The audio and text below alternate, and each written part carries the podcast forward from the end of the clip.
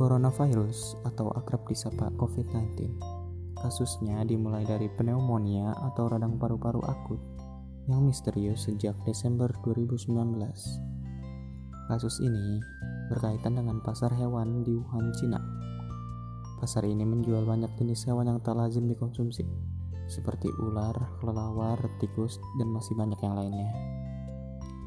Cara penyebaran dari virus corona tergolong mudah dan cepat, yaitu melalui cairan dan kontak dengan penderita. Kabar baik dari virus ini yaitu virus ini dapat dicegah melalui pola hidup bersih, seperti penggunaan masker saat sakit dan mengikuti saran pemerintah yang sering disuarakan saat ini, yaitu hashtag di rumah saja.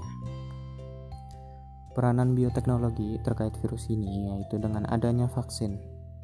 Saat ini vaksin sedang dikembangkan oleh para peneliti, tentunya dengan harapan dapat melawan virus mahkota ini. Penyakit ini memang terlalu cepat, dan negara terlalu lamban, dan orang-orang terlampau arogan. Tetaplah menjauh dari keramaian, tetaplah diam di rumah sampai situasi membaik, tetaplah hidup.